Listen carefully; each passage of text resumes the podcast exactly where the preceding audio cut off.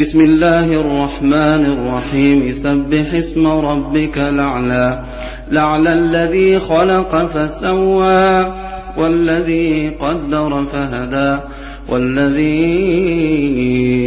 أخرج المرعى فجعله غثاء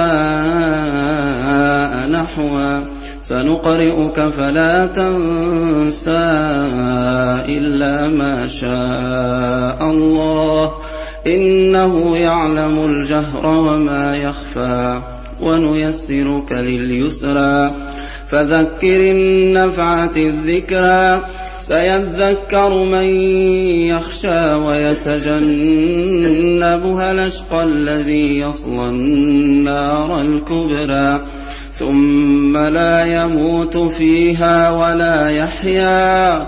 قد أفلح من تزكى وذكر اسم ربه فصلى. بل توثرون الحياة الدنيا والآخرة خير وأبقى. إن هذا لفي الصحف الأولى صحف إبراهيم وموسى.